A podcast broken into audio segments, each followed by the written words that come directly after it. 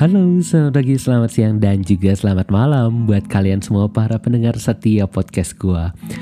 First of all, I want to say thank you buat kalian semua yang walaupun gue udah lama banget gak upload podcast, tapi kalian dengerin podcast-podcast gue.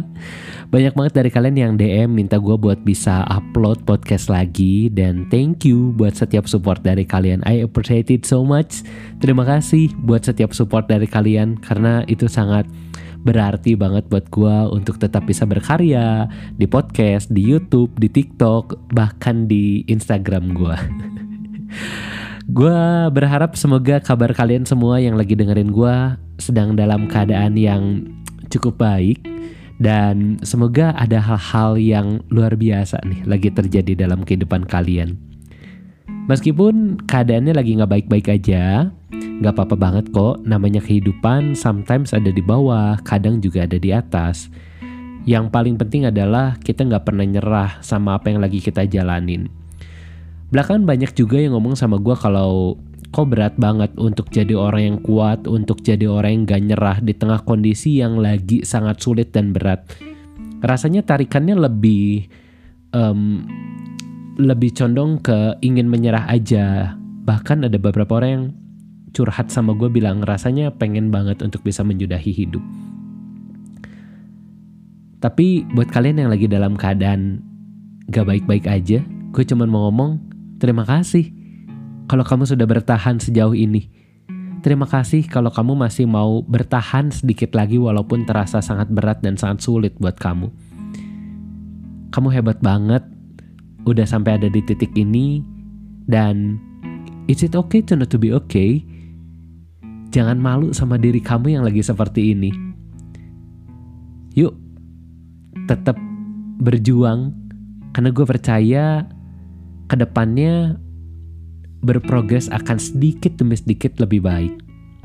Walaupun tidak secara instan, tiba-tiba keadaan berubah dalam seketika menjadi baik. Berat, yes, pasti tapi gue juga yakin kamu adalah orang yang hebat dan kamu kuat untuk bisa melewati semua ini. Dan satu hal yang sebenarnya pengen gue discuss hari ini adalah Is it okay to cry? Gak apa-apa banget dan manusiawi banget untuk menangis. Kamu gak perlu takut dicap lemah, kamu tidak perlu takut dinilai bahwa kamu orang yang payah ketika kamu menangis. Apalagi untuk kaum laki-laki, kamu gak perlu takut kalau kamu dibilang gak gentleman ketika kamu menangis. Cengeng banget sih, kok laki-laki menangis. Gak apa-apa. Banyak orang yang belum mengerti tentang emosi manusia seutuhnya terkadang dengan mudah mengeluarkan, melontarkan kata-kata yang menjustifikasi apa yang lagi kita rasakan. Padahal, menangis adalah salah satu hal yang sebenarnya wajar banget untuk dialami oleh setiap kita. Bukan hanya oleh perempuan, tapi laki-laki juga boleh kok buat menangis. Dulu gue pernah ngobrol sama salah satu psikiater gue bahwa menangis adalah salah satu respon tubuh kita merespon terhadap stresor yang lagi kita alami. Dan menangis juga menunjukkan bahwa kamu adalah orang yang cukup dewasa. Karena hanya orang dewasa saja yang berani menunjukkan dirinya apa adanya. Banyak orang di luar sana yang lebih sibuk memikirkan tentang image mereka, apa yang orang lain akan pandang tentang diri mereka bela-belain buat nggak nangis, menahan dalam diri emosi kecewa, sedih ataupun apa pun itu yang sebenarnya bikin kamu pengen nangis ditahan hanya demi menjaga image supaya orang lain gak bilang kamu lemah, orang lain gak bilang kamu payah, orang lain gak menganggap kamu sebelah mata. Sedih ya, tapi itulah masyarakat kita sekarang. Kadang ketika gue melihat kondisi seperti ini, jujur gue kadang menangis dalam diri gue melihat orang-orang yang sebenarnya ingin sekali menangis tapi terhalang karena mereka takut. Karena ketika mereka menangis banyak orang yang malah lebih menjatuhkan mereka. Banyak orang yang malah um, tambah memberikan mereka pressure atau tekanan. Jangan nangis dong kamu harus kuat gak boleh nangis. kamu baru begini aja kok nangis sih. Dulu gua ngalamin hal yang lebih berat tapi nggak nangis tuh. Teman-teman tahu nggak sih kalau setiap orang punya kekuatan mental yang berbeda-beda. Setiap orang punya kapasitas yang berbeda-beda. Seperti gelas yang diisi penuh mungkin ada orang yang diisi dengan 300 mili sudah penuh gelasnya. Tapi buat orang yang punya kapasitas besar, punya gelas 600 mili, bahkan 1 liter, diisi 300 mili tentu buat mereka masih belum menjadi tekanan yang begitu berat. Karena mereka masih punya space lebih atau mereka masih punya more space untuk mereka bisa bernafas. Air itu bergejolak akhirnya nggak tumpah keluar, tapi tetap berada di dalam gelas. Gue rasa itu juga emosi kita ketika gelas kita penuh dan kita menangis itu bagaikan air yang keluar dari dalam gelas karena sudah lagi tak mampu menahan menampung air yang ada di dalamnya. Dan justru ketika kita menangis itu dan air itu keluar tidak lagi terlalu menumpuk dalam gelas itu. Terkadang itu akan memberikan kita sedikit ruang untuk bernafas lega. Nah, pertanyaannya apa yang ter, apa yang harus dilakukan? Kalau misalnya orang-orang di sekitar kita adalah orang-orang yang demikian, orang-orang yang tidak mengerti kenapa kita bisa menangis, orang-orang yang masih bisa belum bisa memahami kalau menangis adalah salah satu hal yang manusiawi dan wajar banget. Mungkin maksudnya baik supaya orang lain pengen kita supaya lebih kuat, jadi lebih bahagia, tidak terlarut dalam kesedihan. Tapi memang banyak orang-orang yang masih belum teredukasi dengan bagaimana seharusnya mereka menanggapi emosi dari orang lain. That's why it's okay banget kok kalau teman-teman merasa uh, there's no one yang mengerti emosi kalian saat ini untuk cari pertolongan ke profesional seperti ke psikiater ataupun ke psikolog mereka yang memang teredukasi dan sudah terlatih tahu ben, tahu betul bagaimana cara harus menangani emosi yang sedang kita rasakan. Bersyukur kalau kalian punya orang-orang yang bisa mengerti akan emosi kalian, memanusiakan manusia dengan segala emosi yang sedang kalian rasakan. Tapi gue juga sadar, tidak semua orang seberuntung itu. Ada orang-orang yang ketika sedang terbeban berat, sedang merasa terpuruk di bawah-bawahnya, justru lingkungannya memberikan toxic positivity. Justru lingkungannya lebih mempres dia untuk jadi manusia yang lebih kuat ketika keadaannya sedang tidak memungkinkan untuk dia bisa berdiri dengan tegap. Teman-teman, it's okay untuk pergi ke psikiater dan juga psikolog karena bukan cuma orang gila yang pergi ke sana atau bahasa sekarangnya itu adalah ODGJ ya. Orang seperti kita pun butuh untuk konsultasi, untuk ngobrol, sekedar mengerti akan emosi dan apa sih yang sebenarnya lagi terjadi sama diri kita saat ini. Dan buat teman-teman di luar sana yang lagi merasa baik-baik aja, Yuk, gue mau ajak kalian untuk sedikit demi sedikit buat belajar. Tidak dengan mudah memandang sebelah mata orang yang menangis.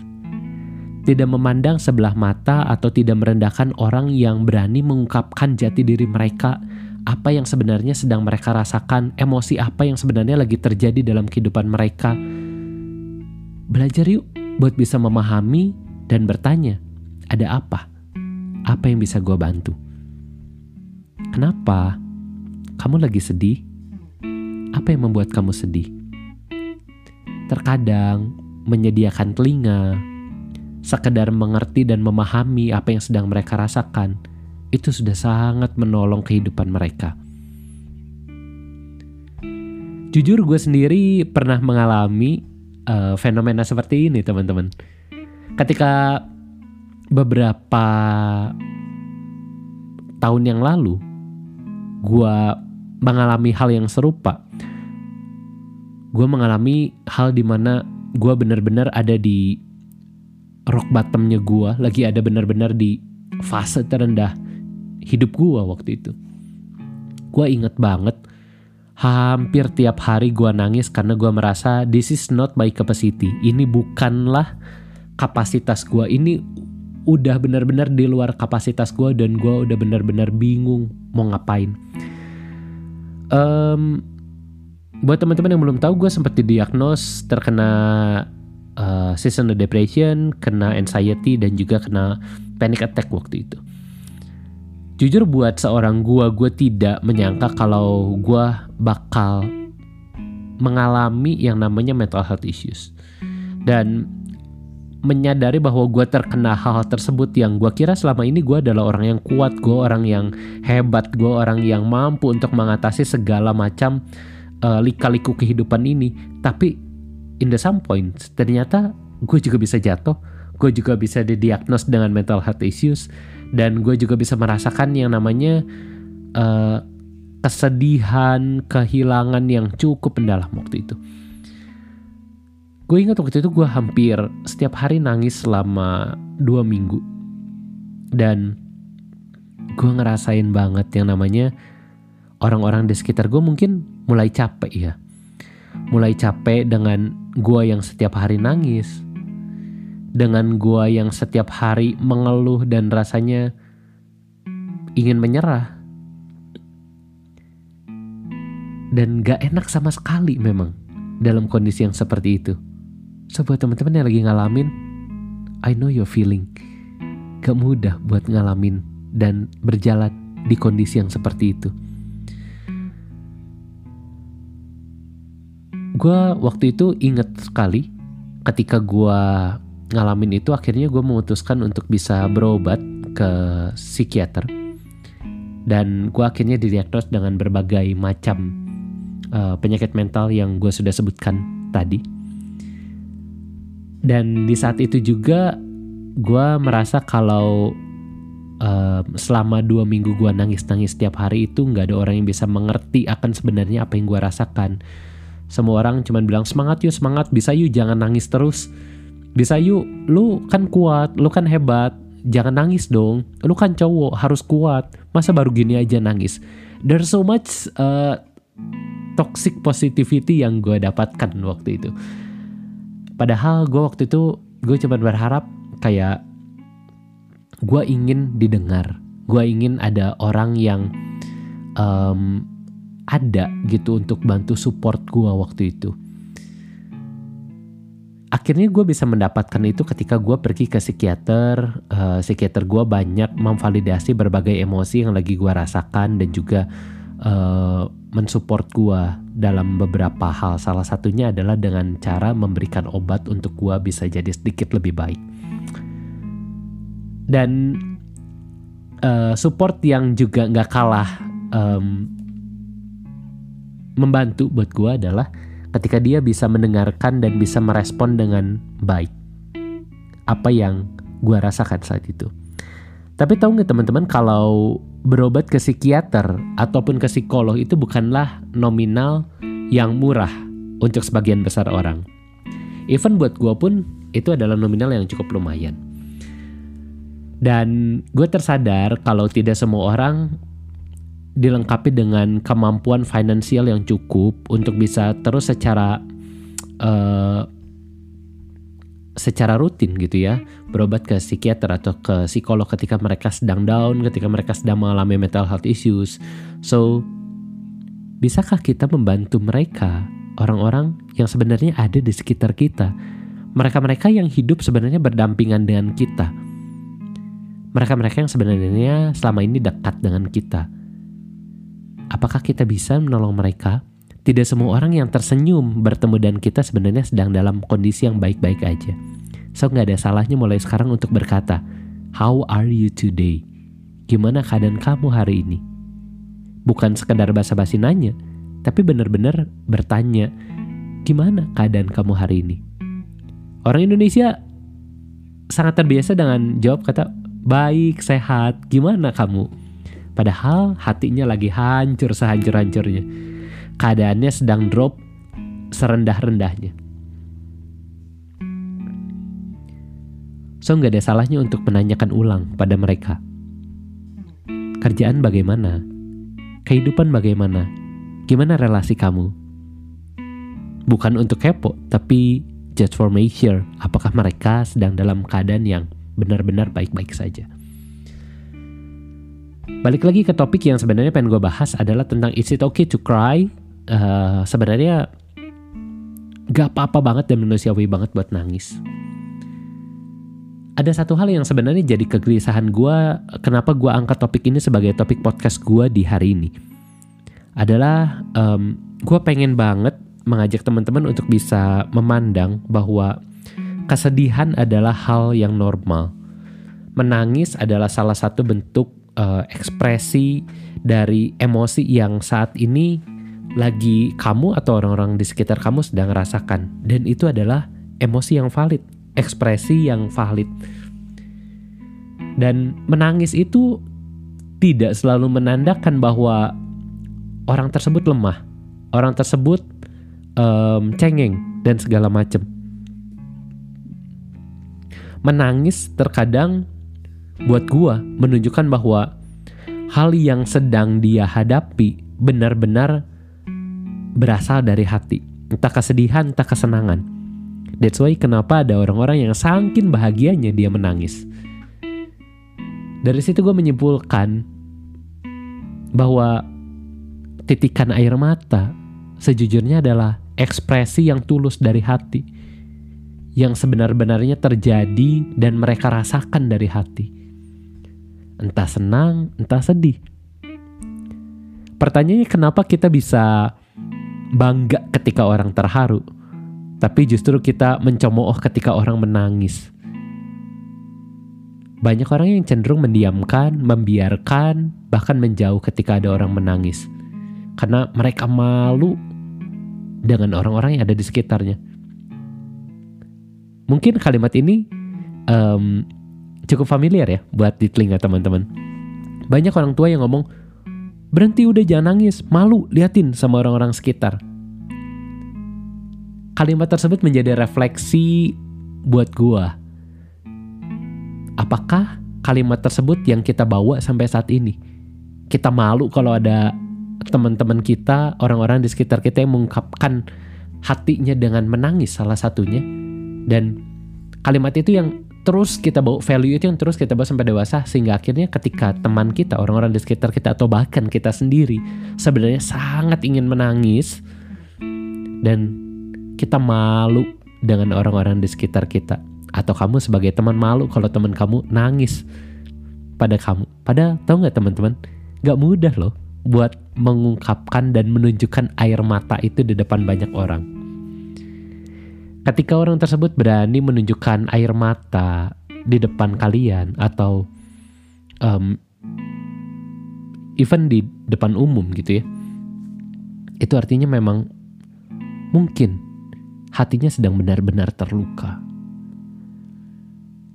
Dan buat kalian juga yang sedang merasakan hal ini, is it okay kok? Daripada kalian memendam semua itu sendiri seorang diri, lebih baik diungkapkan. Jangan pedulikan orang lain akan menjudge kalian seperti apa.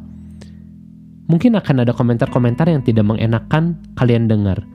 Tapi tahu nggak bahwa menyimpan sampah di dalam diri kita justru jauh lebih berbahaya karena akhirnya sampah itu akan terus mengeluarkan bau tidak sedap racun yang berbahaya bagi diri kita sehingga akhirnya menghancurkan diri kita sedikit demi sedikit dari dalam that's why gue mau ajak teman-teman untuk kalau kamu sedih kalau kamu kecewa kalau kamu merasakan sakit hati atau apa pun itu dan kamu pengen menangis menangislah karena itu adalah salah satu cara tubuh kita untuk bisa menstabilkan kembali apa yang sedang kita rasakan, apa yang sedang kita pikirkan. Gue berharap kita semua bisa selangkah demi selangkah menuju ke peradaban yang lebih baik, lebih suportif, lebih aware sama keadaan mental, lebih aware juga sama yang namanya um, emosi-emosi manusia. Belajar yuk memanusiakan manusia. Karena biar bagaimanapun manusia bukan robot yang tak punya perasaan.